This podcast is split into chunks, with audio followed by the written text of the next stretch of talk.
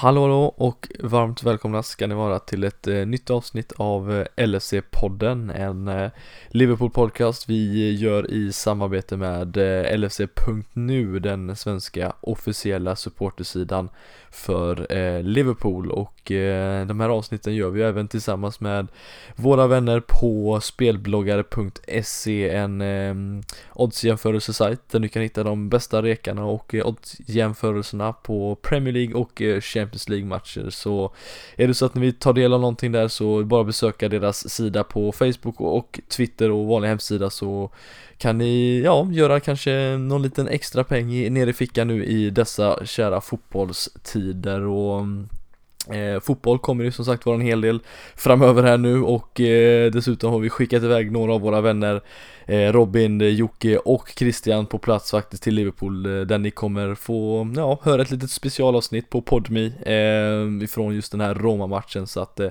det är bara att hålla utkik på våra sociala kanaler så kan ni ta del av eh, detta. Men nu så kör vi igång kvällens avsnitt.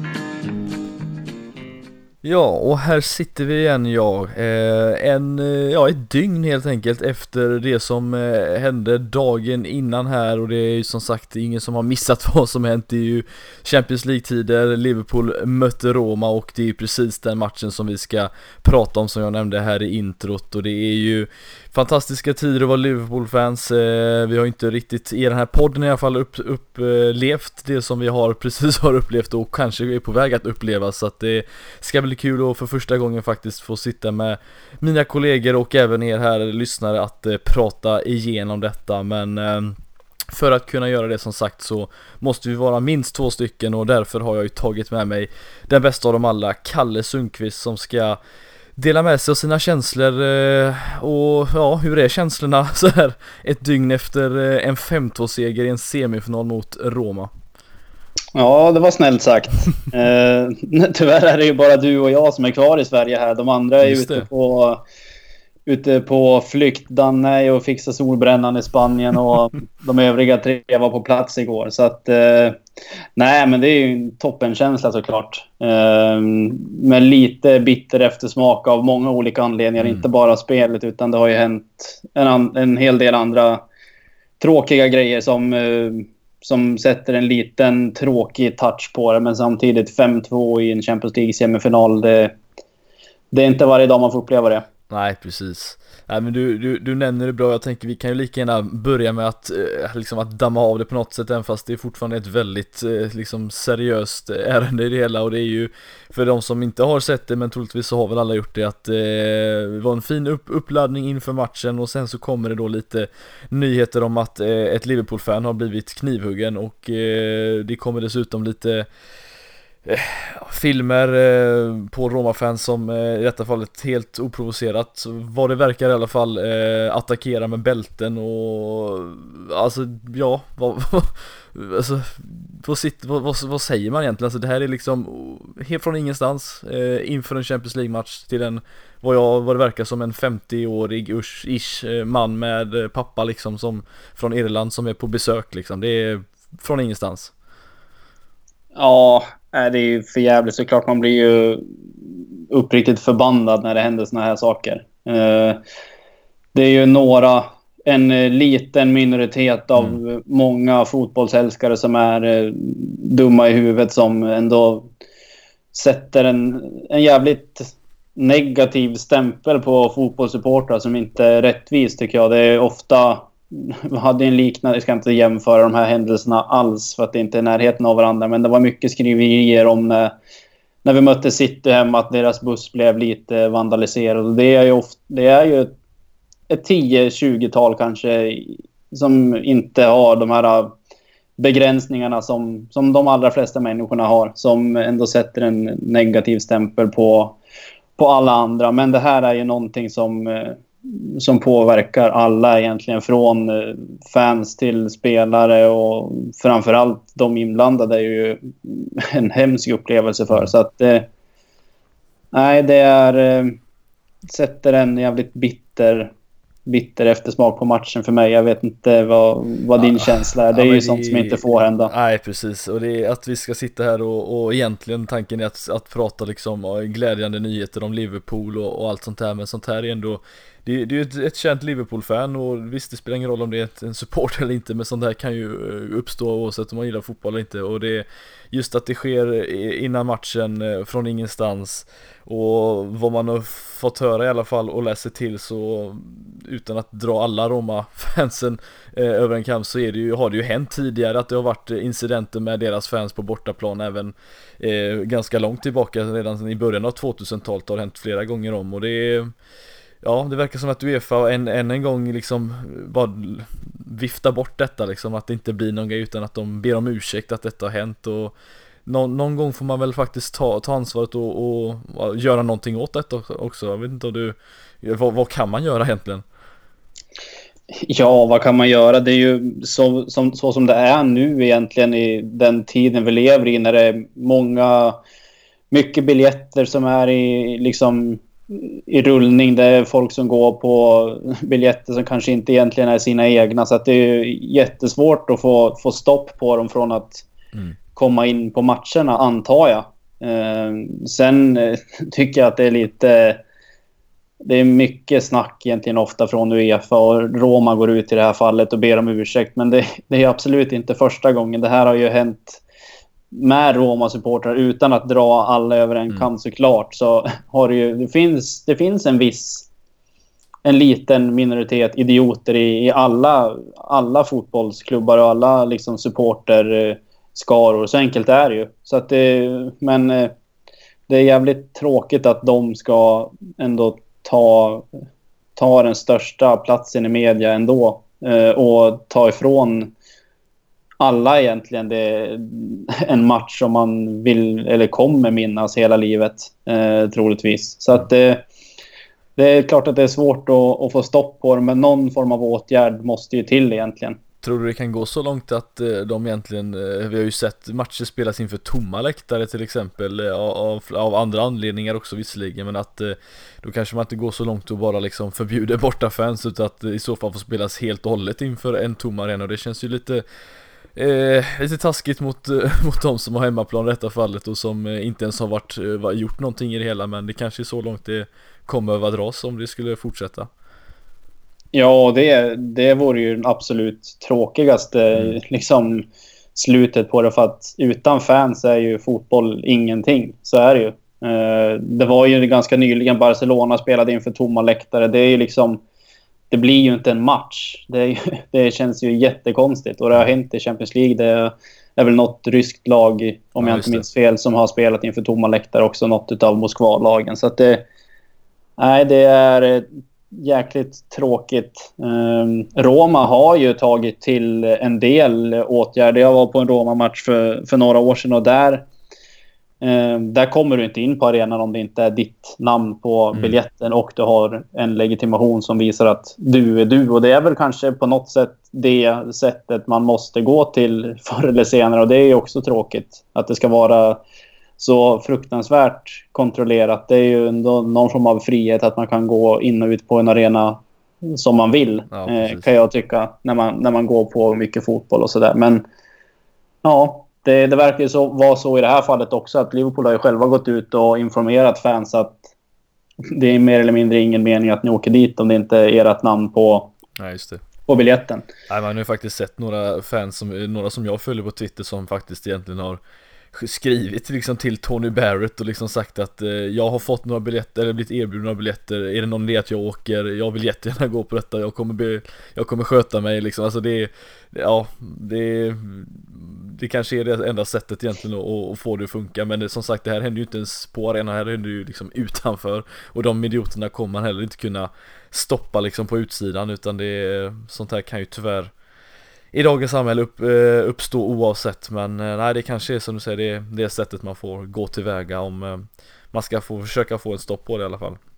Absolut. Av någon konstig känsla, det, det man oroar sig mest för nu inför returen, för min del i alla fall, det är ju nästan inte matchen. Det är ju vad fan kommer hända i Rom. Det är, Ja. ju, det är ju känt att det kan gå jävligt vilt till där på, och sen på många andra arenor såklart. Eh, men eh, nog om det. Nu går vi in på lite positivare Ja, grejer. vi skänker väl i alla fall en tanke till, till den skadade mannen och även de andra men framförallt han som, eh, som ser ut att ha tagit det absolut värsta och alla. Hoppas att han eh, återhämtar sig väl i alla fall. Men eh, Yes, vi, vi tar väl och pratar om det som eh, de flesta Liverpool-fansen i alla fall tycker om och, och, och höra på. Och det här gången är det ju Kalle som du säger, det är ju lite annorlunda. För det är just den här känslan av att eh, vi kan sitta här och prata om hur vi har slått Bournemouth med några bollar. Men eh, att sitta en, här och säga att man har slått Roma med 5-2 ledat med 5, eller har lett med 5-0 liksom i en semifinal, det är ju det är något alldeles extra som vi kanske inte känns som att man får göra allt för ofta. Nej, verkligen inte. Det är eh, förvånande på sätt och vis, men samtidigt inte. Så det är en jätte, jättekonstig känsla, eh, tycker jag. Det känns som att matchen hade en ganska krampaktig inledning, eh, tycker jag. Sen kommer vi in i någon form av mode som vi alltid gör i kanske 30, ibland, ja, kan vara fem minuter ibland också. Men i det här fallet var det ju nästan 45 minuter där vi bara matar ner motståndarna och att det känns som att vi skapar livsfarliga lägen på, på, på, på varje möjlighet vi får egentligen. Eh, och nu, de här gångerna tog vi vara på dem och satt 5-0-ledning i en Champions League-final. Det är nog ingenting man vågar drömma om och det ser man inte ofta heller. Eh, Nej, Jag inte vad- statistiken visar ju verkligen som de sa i efterhand även i studion att det inte, det händer, det har hänt en gång tidigare i historien tror jag att, att, ett, att det har liksom var hänt så här i en semifinal liksom på, i, i en match. Alltså det här är ju siffror som oftast är, står efter två matcher men inte, inte i, i den första eller den andra matchen egentligen utan det är, eh, det är verkligen sjuka siffror. Men eh, som, som du säger om vi bara startar liksom där att det här är ju en match som på något sätt spelades, det var ju, det är ju två halvlekar fast ändå kanske en eh, en tredjedel som i alla fall tillhörde Roma om vi börjar där då Kalle, att eh, den första delen av den första halvleken var ju verkligen en nervös första halvlek, alltså, eh, eller första halvtimme ska man säga. Det såg eh, väldigt nervöst ut från båda lag, men framförallt för Liverpool som inte alls såg ut att få kontroll över det här mittfältet som vi Jag satt och pratade med Robin och Max, våran gäst i, i förra avsnittet. Ja, nej, men det håller jag med om. Det var min, eh, min känsla också. att vi, vi var, De hade ett övertag på oss första halvtimmen. Framförallt kändes det som att Roma hade mycket boll och styrde spelet. Sen kanske de inte kom till så mycket farliga lägen. Men det, det ger ju ändå en lite oroväckande känsla vart det, vart det ska bära iväg någonstans. Sen eh, tycker jag vart eftersom ju längre matchen går att vi vinner den mittfältskampen ganska ganska rejält. Um, supertråkigt att Chamberlain skadad nu och är Mm. borta så länge som han här missar säsongen och, och VM för England. Så det är ju givetvis skittråkigt för honom och för alla andra. Um, när han haft en sån fin andra halva på säsongen egentligen som han har haft. Men um, sen tycker jag man ska berömma Wijnaldum när han kommer in. Jag var lite Ja. orolig vart, vart det här ska ta vägen, men han gör ju en kanonmatch. Han gör en sån där Eh, match som han ibland kan göra, som han gör alldeles för sällan men när han väl gör den så, så är han ju liksom en eh, dominant på mittfältet. Ja, och det är ofta i de stora matcherna på hemmaplan han gör de, de framträdena. Och sen gör ju Henderson kanske sin bästa match på, Absolut. ja, jag vet inte när. Eh, Så att eh, den mittfältskampen vinner vi ju mot två riktigt bra mittfältare i Nainggolan och Strootman. Så att jag skrev det på Twitter innan matchen också att mm, jag tror att, alltså att matchen inte kommer avgöras på mittfältet men det kommer vara ha en jäkligt stor betydelse på hur utfallet blir. Så att eh, den, eh, den kampen vinner vi och sen eh, skapar vi massvis med, med kvalificerade målchanser där Roma är helt uppåt väggarna dåligt taktiskt tycker jag när de, med den trebackslinjen och de wingbacks när ändå flyttar upp så pass mycket. Och eh, låter Salah egentligen ha lekstuga med, med deras vänsterback. Jag vet inte om man säger Jesus eller Jesus eller vad man säger. Ja det var inte, Eh. ja det, oavsett så hade han inte eh, de högre vakterna på sin sida Nej, i han den här hade matchen. inte Jesus med sig. Det, det hade han inte, tyvärr, för, för deras skull. Ja, nej men alltså det, det, det som jag tycker är intressant, det, det är som du säger, alltså någonstans under matchens gång så, så står Klopp där och, och viftar med sin lilla trollstav på något eh, magiskt sätt och, och det händer någonting och vi vinner definitivt den här mittfältskampen men jag skulle ändå säga att det här var en, en förvånansvärt liksom få ska säga, ja, jag ska inte säga mittfältsdueller men, men det mesta det som hände var ju att det blev väldigt mycket eh, raka bollar om vi säger så förbi mittfältet egentligen som då hamnade på Sala och, och Mané och Firmino så att det var nästan som att man försökte gå igenom det här genom att inte spela sig därifrån utan att gå direkt från backlinjen uppåt på ett väldigt effektivt sätt och det var ju så vi skapade rätt många av de här chanserna innan det där första målet kom dessutom. Absolut, det, det håller jag med om. Utan att bli Eh, ett sånt här långbollslag som vi har blivit anklagade på sistone att Ja, att vara- Fernandinho och De Rossi har ju varit ute och, och gnällt lite grann. Men, eh, nej, men som du säger, vi, det var ju en ganska tydlig matchplan egentligen. Sen att, att Henderson och Wijnaldum gör enormt mycket bollvinster. Det, det kan ju vara en annan femma att de vinner den kampen på det sättet, vilket jag tycker att de gör. Men eh, att bli anklagad för att slå eh, långbollar när, när Roma mer eller mindre öppnar en, en stor jävla skattkista åt en och det bara går dit och ta. Så är det ju det vore idioti att inte mata ner dem bakom Kolarov mot, mot Jesus. Där var ju, fanns ju oceaner av yta där för Salah att- att springa på. Mm. Ja för det var ju egentligen där som det verkar som att Klopp verkligen hade insett att det är där de ska ta vara på chanserna för som du säger Wingbacks är väl lite tanken är att de ska definitivt vara med och försvara men att de även då ska kunna hjälpa till betydligt högre eh, upp i banan också men eh, ytan som Florenzi och, eh, och Kola lämnade bakom sig var ju eh, det är ju, det är ju liksom nöd på självmord att göra sådär för det blir ju egentligen tre mot tre egentligen eh, och att ställa tre mot tre mot Salah, Firmino och Mané det har vi ju sett den här säsongen Kalle att det, det bruk, du brukar inte gå vinnande ur den duellen om du ställs upp mot de tre i alla fall Nej, det, det gör du oerhört sällan. Eh, sen nu tittar inte jag jättemycket på italiensk fotboll och inte jättemycket på Roma heller för den delen. Men det känns som att min spontana känsla och en eh, nära kompis som är involverad mycket i, i Roma, lika som vi är här med, med Liverpool. Jag pratade med han inför matchen och han tycker också att egentligen det är ju bara Manolas av dem där som är en riktigt kvalificerad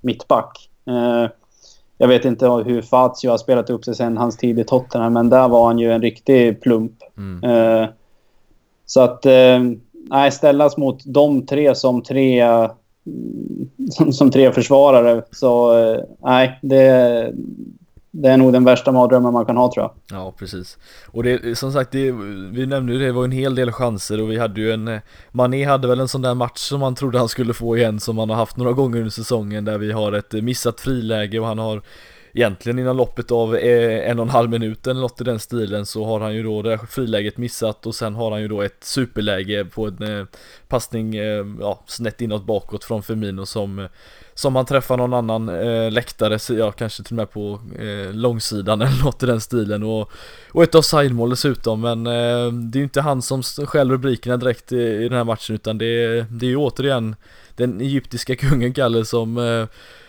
på ett eh, patenterat sätt får vi ändå säga gör 1-0 eh, efter ett sånt där typiskt Liverpool-anfall som i detta fallet eh, betyder tre raka bollvinster och sen så sitter bollen i nätet.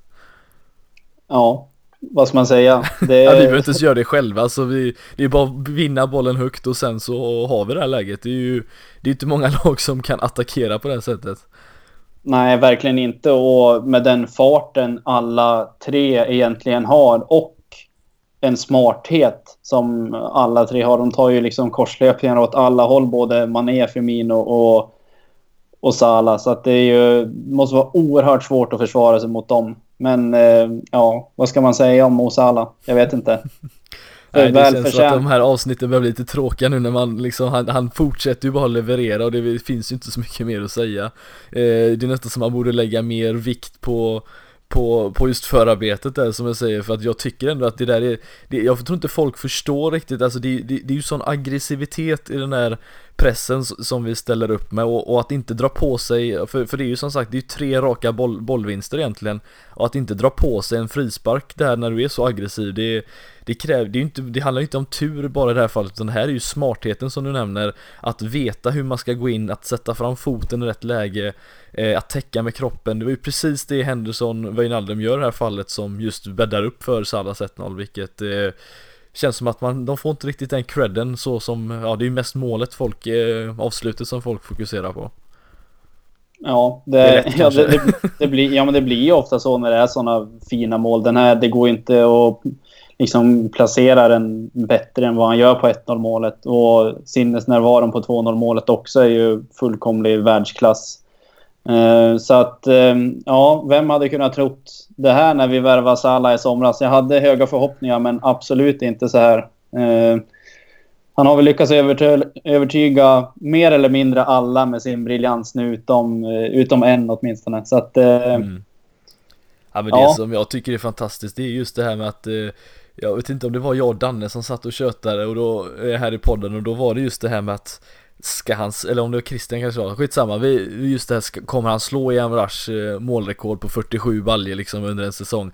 Ja men det är ändå Champions League semifinal och sånt, nej han lär ju inte göra så många mål i, i de här avgörande matcherna men Står han där liksom på en halvlek med, med två mål och det är inte som sagt vilka mål som helst och Släkten är värst som man brukar säga Kalle, det är, jag tror inte heller Roma-fansen förväntar sig att det var så det skulle se ut när, det, när de kom på besök Nej, nej, nej, det tror jag inte. De, det är klart att de vet vad han går för.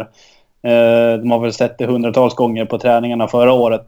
Eh, men då kanske de räknade med att han hade den där lilla, lilla orosmolnet, eller vad man ska säga, att han brände mycket lägen. Men det har han ju helt och hållet suddat ut nu, tycker jag. Han tyckte ju, uh, satt ju skämta om det i förhandsintervjun också i studion där på vi har satt när han blev intervjuad att ja, han vet om att, att folk säger att han behöver många lägen men han har ju på något sätt bevisat dem eh, genom att om man jämför honom med Harry Kane som är den största utmanaren i detta fallet så har han tagit så extremt många mycket färre skott än vad Harry Kane har gjort och dessutom gjort så pass mycket mer mål än vad han har gjort vilket eh, är en ganska imponerande bedrift får jag ändå säga. Ja, det, det är bara att lyfta på hatten. Det, det, går, jag tycker det blir enformigt att sitta och prata om det gång efter annan nu, men ja, jag vet inte vad man ska säga. Nej men det, det, det, det, man kan säga som jag tycker med, med, eh, med Salah det är väl inte, om vi, om vi bara liksom lägger målen vid sidan om så, så visar han ju framförallt upp något som som jag, jag har sett Salah rätt mycket eh, Men jag, jag har aldrig riktigt sett att han har den här Att han kan dominera på det sättet han gör med Att han, han äger liksom matcherna på ett, på ett sånt där sätt som, som inte allt för många spelare gör. Alltså att han, det, han sticker ut så mycket på planen jämfört med många andra. Genom att han har bollen så nära sig, han, han, det är ju sällan han tappar bollen han, han förlorar liksom inte, det är just den här Messi-faktorn som vi har suttit och pratat om så många gånger att, att det är så svårt att ta bollen för att han är för snabb, han har så låg tyngdpunkt Han är, så, alltså benen går ju som, jag vet inte vad, det är, jag har aldrig sett någon springa så snabbt tror jag. Det är, det, det är inte bara målen utan jag tycker det andra är nästan minst lika imponerande som han har liksom tagit hela ligan med storm på det här sättet att han, han är så dominant i så många matcher och det är, det är någonting som vi kanske inte pratar lika mycket om utan det är just målen som får, får alla, alla rubriker men sättet han dominerar matcher är väl kanske det nästan det mest imponerande Framförallt nu det här halv, sista halvåret som, som har varit när han har verkligen sprutat i mål och, och man of the match och player of the month och liknande Ja absolut, det, det håller jag med om. Han är ju ingen så här, vad ska man säga, typisk måltjuv som gör liksom eh, 30 mål per säsong. Utan han, det är som du beskriver, han, han dominerar ju en hel match bara med, med sin närvaro egentligen. Och som du säger, han är fenomenal bollkontroll och liksom ändå fysisk styrka, hålla undan spelare och... Nej, riktigt imponerande. Sen eh, jämförelser med Messi, fine, det kan man göra. De har en liknande liksom, spelstil och de påminner lite grann om varandra på den, den biten. Men eh, Messi har gjort samma sak som Salah har gjort nu i, i tio års tid. Så att, eh, man, man, ska väga in det också när man börjar jämföra han med Messi och Ronaldo. Men, men just nu, i den formen han är nu, så, eh, så måste jag säga att han är liksom topp. Det, det måste jag säga. Det, det, är, det är Ballon d'Or-nivå på honom. Ja, det tycker jag. Om man ska, alltså det, vad det priset går ut på egentligen, att det är den spelare som har varit bäst det här året. Mm. Det är det det handlar om. Så att egentligen borde ju alla liksom tankar om att Messi och Ronaldo har gjort det här i tio år, det ska ju exkluderas egentligen. Utan det är ju den här säsongens bästa spelare. Och ja, ska man eh, rent ärligt och utan att vara färgad så det kanske är Mohamed Salah. Nu vet vi inte vart, sången, vart säsongen bär om vilka som vinner Champions League och vad som händer i VM och, och så vidare. Men eh, nej, absolut. Det är en, eh, en riktigt het kandidat. Mm. Jag håller med dig. Det, det är väl de tre egentligen det, det, det brukar stå, eller de två i alla fall ska jag säga, men Salah borde ju räknas in sett till hur han har det är ju många viktiga poäng också dessutom han har varit inblandad i, det är ju liksom inte de här Lukaku-målen som han har skojat om, alltså de här 3-4-0 målen som inte betyder något utan det här är ju Det är ju poängavgörande och i detta fallet så, så båda hans mål är ju eh, är ju anledning till varför vi lyckas göra det som händer i andra halvleken här dessutom för det blir ju På något sätt kommer det gå in i historieböckerna som kanske den mest, en av de mest ensidiga semifinalerna i alla fall, om inte viktigaste matcherna i, i Liverpools historia men eh, framförallt i Champions Leagues historia Kalle. Alltså det här är, det är två lag som, som slåss om en finalplats men det såg bara ut som att det var ett lag på planen i den andra halvleken även där.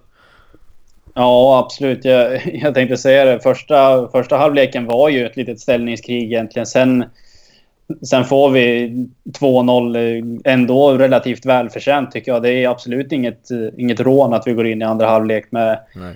med 2-0. Sen dominerar vi ju andra precis som du sa. Eh, och jag vet inte vad, vad dina tankar är om den andra halvleken egentligen. För att det, precis som du beskrev det kanske det var den... Ja, i, i modern tid, de, de matcherna jag har följt, är det sällan man har skådat någonting som har varit en sån egentligen utklassning på alla plan. Mm. Nej men det, det är ju framförallt sättet, eh, alltså jag, jag satt lite halv på lunchen då faktiskt och, och skumma igenom lite så här extended highlights och det är ju det, som, eh, Visst det är ju målen som, som alla kollar på men eh, jag, jag brukar ju försöka liksom hitta liksom andra bakomliggande faktorer och det var ju många gånger som de såg eh, ut och tappa, alltså Roma i detta fallet, de försökte spela i backlinjen och man, man, man, man hörde på publiken att snart kommer de tappa bollen, alltså vi, Liverpool kommer vinna tillbaka den här bollen. Och det gjorde de en gång när Manolas, jag vet inte om du kommer ihåg det, eh, halka till och sen är det tre stycken där framme och man är visserligen offside i det läget men Alltså det, det, det, det, var, så- det var sån överlägsen, eh, de var så överlägsna på alla plan, de fick rensa bort bollar, de gick ju inte ens till mittplan utan Wijnaldum haffade upp den och Milner Gjorde vad Milner har gjort de senaste halvåret även han eh, Som vi liksom har, har glömt på något sätt nu när vi har pratat hur bra eh, Wijnaldum och, eh, och Henderson var i den här matchen men Nej det, det var, förutom målen så var det så ensidigt för att Roma hade absolut ingenting att komma med. Det var, fanns, eh, trots den den kvaliteten de har upp till med en Nseko som har varit riktigt bra i Champions League och en Nangolan som är en fantastisk spelare och som du säger ett stabilt mittfält. Så nej, de kom absolut ingenstans och um, jag, jag blev chockad Kalle eh, när jag satt där och började rulla in mål, alltså 3-0, 4-0, 5-0 jag, jag, jag kunde liksom inte Det kändes inte som en semifinal när man satt och såg på det. För det ska inte gå Nej. så enkelt till Nej, ser man det, ser man det så att det är en, det är en semifinal i Champions League så, så ska det inte få, få gå så lätt. Eh, det håller jag med om. Samtidigt, jag vet inte om man, är, om man är skadad på något sätt nu, men ändå det känns... Den känslan jag har i kroppen nu när jag kollar på Liverpool liknar den man hade 13-14. Att Mm. man satte sig och kollade och bara njöt. Var, var inte orolig någon gång. Nu, nu är man ju nervös som ett jävla vrak i, i de här Champions League-matcherna. Det ska man inte sticka under stolen med. Men på något sätt har jag en känsla när man, när man sitter och tittar att nej, men nu, det, det rullar på nu bara. Och det är så många faktorer som, som ger den känslan egentligen att med den kollektiva pressen, vi vinner bollen högt i banan, fansen går bananas. Klopp är liksom eh, helt extas på linjen och det är svårt då att inte bara fortsätta pumpa på och då kommer man till mycket lägen. Och har man den briljansen som Liverpool har offensivt nu med, med den där eh, fantastiska trion så då slinker in några bollar. Så att den värsta mardrömmen man kan ställas inför egentligen det är ju, är ju att möta den här trion tillsammans med hela kollektivet Liverpool. För att det många tänker på nu är bara den från trion. Men man måste ha i åtanke att hela laget gör en helt fantastisk insats under hela säsongen egentligen. Vi har förlorat en match på hemmaplan som var en, ett riktigt bottennapp mot West Brom. Men annars har vi liksom, liksom kört över jättemånga lag i Champions League. Det är 7-0 två gånger mot Maribor i gruppspelet. Det är 5-0 mot Porto borta. 3-0 mot City hemma. Nu 5-2 mot Roma hemma. Det är liksom... Det är inte bara lyckoträffar varje gång, utan det, Liverpool är så här bra nu. Och man, eh, man tror att man drömmer ibland, men det är fan bara ta tillvara på stunden och njut. Det, det, det, det är så jag känner Ja. nu. Man vet inte när man får vara med om det här nästa gång. Förhoppningsvis så bygger vi vidare på det här nu och blir, blir det laget vi, vi förtjänar att vara. Mm. Och det, det som måste vara frustrerande för motståndarna också i sådana här lägen det är ju att just de tre där framme, de är ju Det är inte så att de känner sig nöjda heller. Alltså när det står 3-0 då känner de ju inte att ah, ah, Vi kan väl skoja till det lite här utan de De försöker sig inte på några liksom Onödiga grejer utan de, de går ju Det är ju som att det står 0-0 i, i, deras hjärnor och det måste ju vara fruktansvärt att möta med tanke på att att den koncentrationen som ändå krävs att, att när du har gjort tre, fyra mål liksom, nu ska vi ha ett till liksom, det är, det, det, att ha den motivationen och den inställningen, det, det är ju sådana spelare som på toppnivå bara har det visserligen, men det, det måste också vara rätt jobbigt att möta sådana spelare för att varje gång det blev någonting så så- så såg man ju på liksom Kolar om man tog de här tunga stegen tillbaka och försökte markera Salah, men han var liksom aldrig i närheten och Gabriel, eh, förlåt mig, Gabriel Jesus, Juan Jesus, han hade ju ett Dessutom ett gult kort i, redan i första halvleken och kunde ju heller inte försöka sig på någonting på Salah och det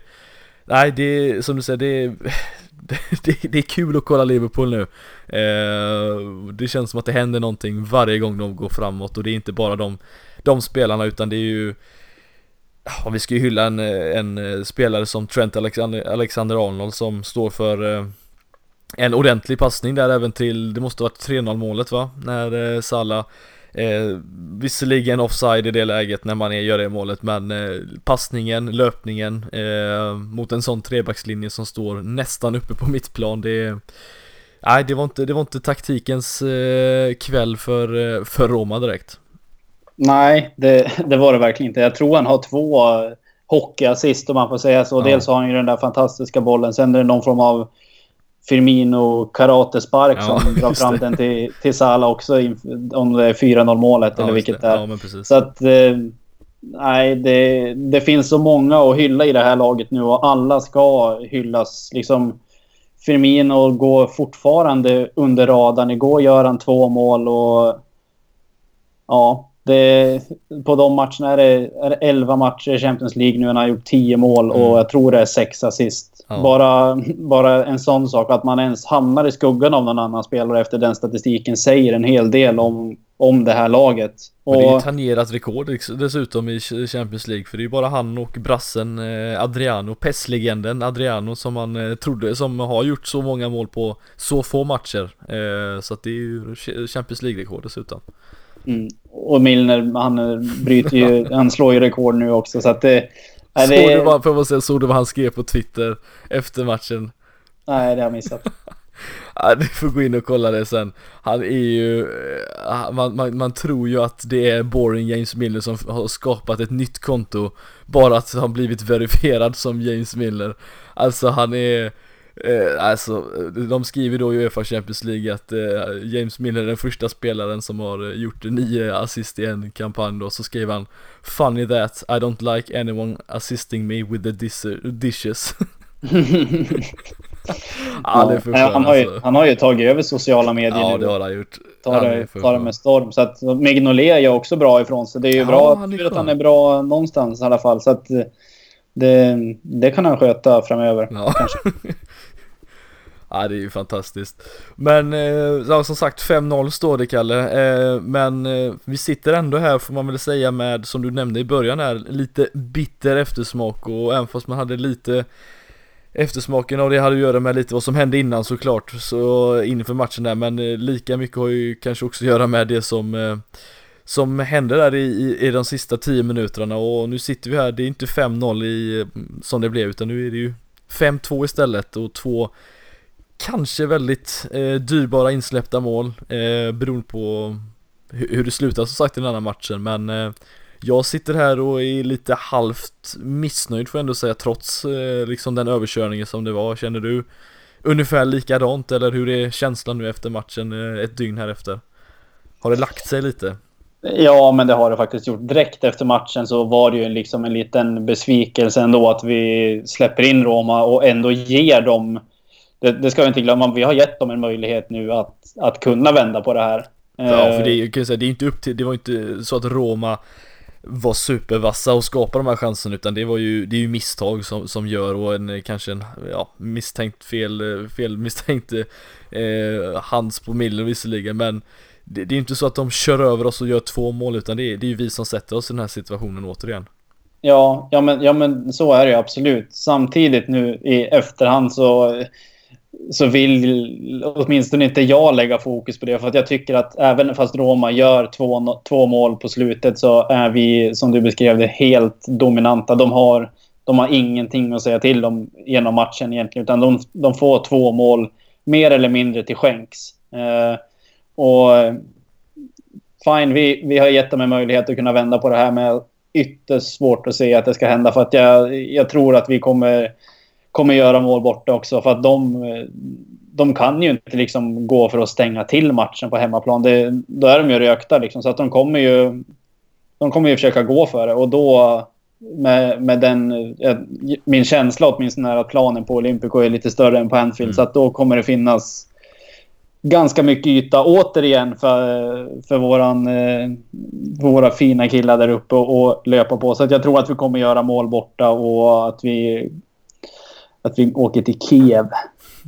Ja för du har fort, som sagt, eh, jag, jag är ju en sån som, jag börjar bli trött på sånt här när de satt och pratade om det där med efterhand att att Roma slog ju trots allt eh, Barcelona och slog ut dem med 3-0 För 3-0 är ju trots allt det de det, det tar ju dem vidare i, i faktiskt i den andra matchen Men ja, det, det man som sagt inte, inte tänker på det är just att eh, vi är ju så mycket mer raka än vad Barcelona är i sitt spel eh, Roma hann ju faktiskt samla sitt försvar. När Barcelona försvarar den här matchen Det kommer de inte ha tid med att göra eh, mot oss. Så att, nej, vi, absolut, vi kommer göra minst ett mål även fast eh, Roma som sagt inte har släppt in ett enda mål på hemmaplan den här Champions League-säsongen så har vi dessutom aldrig gått ur en match, en bortamatch och inte gjort mål dessutom. Så att Det är ju statistik som slår ut varandra på något sätt men eh, Du är trots allt eh, väldigt eh, övertygad om att det kommer gå vägen ändå. Ja, det, ja, det kanske lät så nyligen, men, men eh, man, man vill ju ändå inte på något sätt sitta här och ta ut någonting i förskott eller jinxa som det så, så fint heter nu för tiden. Så att det, det är klart att vi är jättefavoriter att gå vidare. Det, jag kollade oddsen senaste dagen. Det är liksom tio gånger pengarna på att Roma går vidare och Liverpool, ja, 1, ja, ingenting. Mm. Eh, så att... Eh, och de brukar ju sällan ha fel. Eh, och jag hoppas att det är så i det här fallet också. Eh, så att, eh, ah, visst finner det någon form av, eh, liksom, inte tvivel, men eh, man tar ju inte ut någonting att det är klart. Men jag tror att det ska Nej, det oerhört, oerhört mycket till för att vi ska, vi ska sumpa det här. Mm. Alltså det, det som irriterar mig, det är ju som, det är just det att eh, vi satt här och pratade liksom om, eh, ja, eh, och pratade om den här West Bromwich matchen jag, eh, jag och Robin och där gör vi just det här problemet att vi släpper in två mål, eh, där tappar vi poängen visserligen eh, i, i ligan som kanske hade ja, gjort att en Champions League-plats varit nästan helt och hållet säker på det sättet. Eh, nu istället förlorar man två poäng på grund av det och vi släpper in två mål i tio, sista tio minuterna här igen. För mig är det ju liksom principen att, eller sättet vi gör det på, det är ju det som irriterar mig. Det är inte att de gör två mål som, som irriterar mig, utan det är just att det sker när det står 5-0. Att vi ens, alltså när, när Zeko gör det här målet, då, då ska man ju bara liksom, okej okay killar, nu, nu dödar vi den här matchen vi ska liksom inte ge dem ens möjligheten att hålla i bollen. Vi ska försöka, vi ska maska, vi ska göra vad som helst. De ska inte få en möjlighet för det är ju trots allt, det är ju så bud på 5-3 trots allt Kalle. När, när, när de har gjort det här målet och det är, vi tappar bollen eh, på vår planhalva, de försöker kontra och det är, ja det är, som sagt jag, jag kan inte sitta här och säga att jag är helt nöjd trots allt. Eh, eh, jag vet att Robin stod igår och, och twittrade till oss och sa att eh, det finns inte en jävel som inte kan vara nöjd över detta resultatet men då är jag nog den jäveln som faktiskt inte är hundraprocentigt nöjd med allting trots allt. Nej, men jag, jag förstår ditt resonemang att det är, ju, det är ju två slarvmål vi släpper till egentligen. Så att ur den aspekten så har inte Roma liksom gjort sig förtjänt av två mål på något vis. Så att eh, och sen att det, det är inte första gången som, som du beskriver att vi gjorde det så sent som förra helgen. Eh, så um, nej, jag, jag köper ditt resonemang men samtidigt vill jag, vill jag på något sätt sitta här och, och när man för, på oerhört länge spelar semifinal i Champions League och går och vinner första mötet med 5-2 så och har satt sig rejält i förarsätet för att gå till ännu en Champions League-final. Så Nej, det är helt... Eh, ja, jag vet inte vad jag ska säga. Det helt, känns helt sjukt egentligen att vi är på väg att, att, att nå en Champions League-final mm. igen. Eh, jag såg Danne Forsell retweeta en ganska rolig tweet om eh, det var någon form av information om Liverpool och Champions League-finaler. Att de har nått si och så många under de här åren. Så att Mm. Det är inte så dåligt för en klubb som slutade vara relevant på 80-talet. Nice. det, det, säger ändå en del om Liverpool att vi har ruskat fram mycket fina resultat i Champions League på, på den senaste, inte senaste tiden. Det är ju, är ju dumt att säga, men det är ju ändå Istanbul på något sätt som, som många minns. Men många kanske glömmer ändå att vi var i final 2007 också. Så att, mm.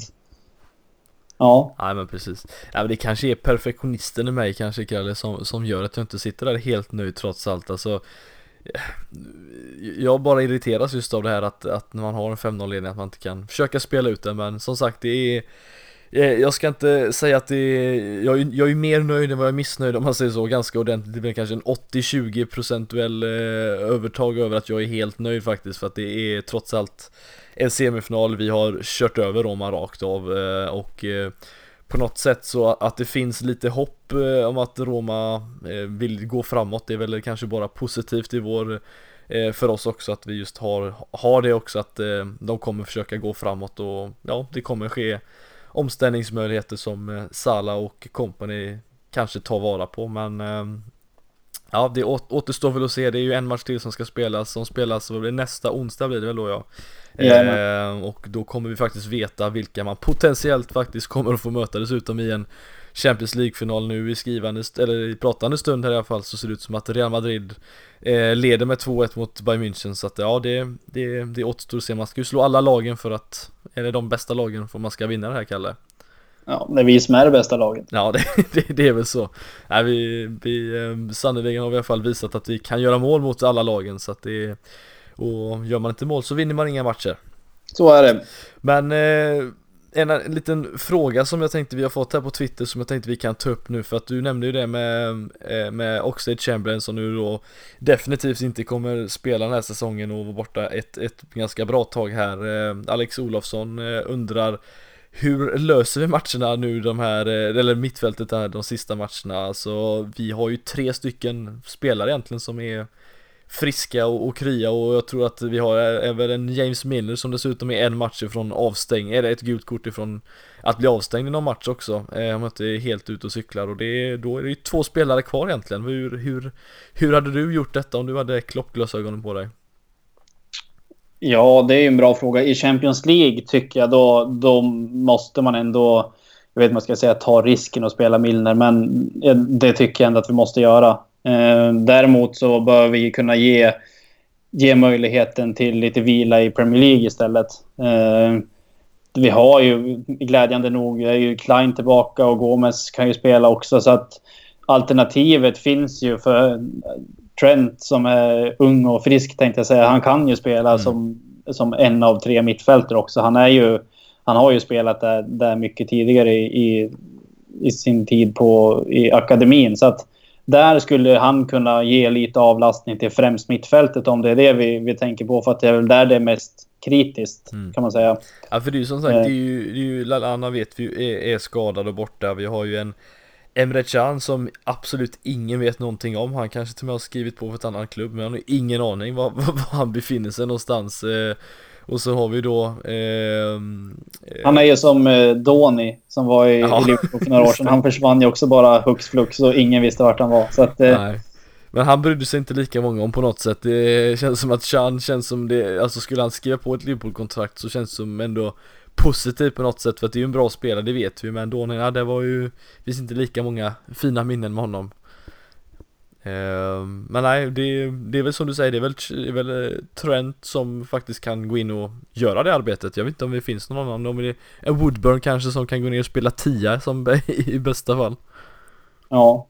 Nej, så är det ju. Men sen, sen eh, måste man ju ha i åtanke att vi, vi torskade, eller vi förlorade inte, men vi förlorade åtminstone två poäng senast mot West Brom. Eh, där vi mer eller mindre hade kunnat satt spiken i kistan för, för topp fyra var ju känslan. Eh, så att det är mycket att spela för i Premier League fortfarande också. Speciellt när vi ska möta Chelsea näst sista omgången. Så att det, det finns inte utrymme tycker jag för att ställa ut något riktigt eh, B-betonat lag mot, mot Stoke. Det, det har jag ytterst svårt att tro för att vi måste ändå på något sätt säkra topp fyra Premier League-vägen också. Även fast vi har möjligheten att göra det via Champions Mm. nu. Men, så att eh, jag tror fortfarande att vi kommer köra köra mer eller mindre något form av första, första lag. Sen finns det absolut möjlighet att rotera i anfallet med med att ge en sån som Danny Ings mer speltid och, och ändå rotera lite grann och ge vila åt någon av de tre. Mm. Eh, sen eh, satt man ju och svor så sent som i söndags att man inte ville se Alberto Moreno igen. Så att, men eh, det kanske kan bli fallet igen. Men Robertson verkar ju... Verk, det verkar inte vara någonting som biter på honom. Så att, Nej. eh, Nej men det, det känns som att det, det är så få matcher kvar nu på något sätt. Eh, vad talar vi sammanlagt? Det är, är det är väl fyra matcher kvar i Premier League va? Eh, tre matcher? Nej hur många blir det nu? jag tror det... Ja, kan, ja Det nu har jag dålig koll. Men det kan vara tre. Det är Stoke, så är det Chelsea borta och sen har vi Brighton Ja, hemma. det, Jag tror bara att precis. det är tre matcher kvar. Ja så, Så det är egentligen potentiellt Det är fem fem matcher ja precis. Ja, det är fem. Eh, och det ska, ja det är fem. det, det är vad man ska orka med liksom och det, du tror att de, det, det, det, det är det man får göra egentligen. Ja, ja Det alltså... är bara att bita ihop. Ja, det, ja. ja men på, på något sätt är det ju så för att vi har så oerhört mycket att spela på på båda fronterna nu. Mm.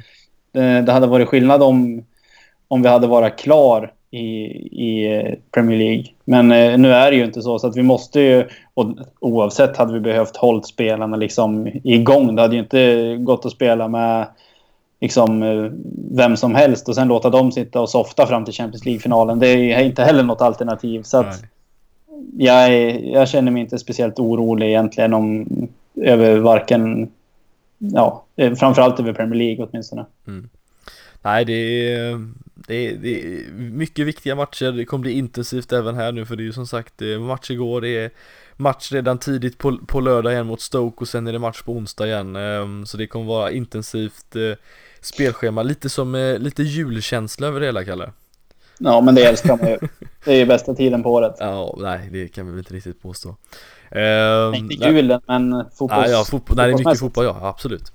Hur, eh, nu ska vi inte allt, vara allt för långrandiga här, vi ska inte prata så mycket inför Stoke, utan jag tänkte bara ta lite tempen, hur, hur, vad, vad tror du liksom, går man in eh, med, just som du säger nu då, samma lag mer eller mindre, försöker liksom göra ett, ta ett slut på detta, för vinner man den här matchen och, och Brighton hemma, om man räknar bort Chelsea-matchen, då, alltså då har man ju Champions League i, eh, då är man ju klara liksom på något sätt, och är, är det Klopps tanke att gå, verkligen gå all in och vinna den här matchen nu tror du? Ja, men ja, det tycker jag. Det, jag skulle bli förvånad om det, de har någon annan strategi för att skulle vi inte ta poäng, eller om vi inte skulle vinna nu mot Stoke i helgen, då sitter vi helt plötsligt i en, i en jävla sits där vi inte kan riskera att tappa poäng mot Chelsea. Då, Mm. Då, då ser det ganska tufft ut. Jag tror att vi skulle klara oss på att kryssa mot Chelsea och Stoke och slå Brighton. För jag har för mig när jag läste någonstans att vi 75, behövde... om vi får 75 poäng så kan Chelsea inte gå förbi oss. för Nej, de har precis. målskillnad. Men det vore ju skönt att bara klippa av det på, på en Ja, gång istället. absolut. Då, vi ska ju över på matchen mot Brighton. Det vore ju kul om det fanns någonting att spela för dem, men samtidigt vore det ytterst skönt att ha det, att ha det klart innan ja, det absolut. också.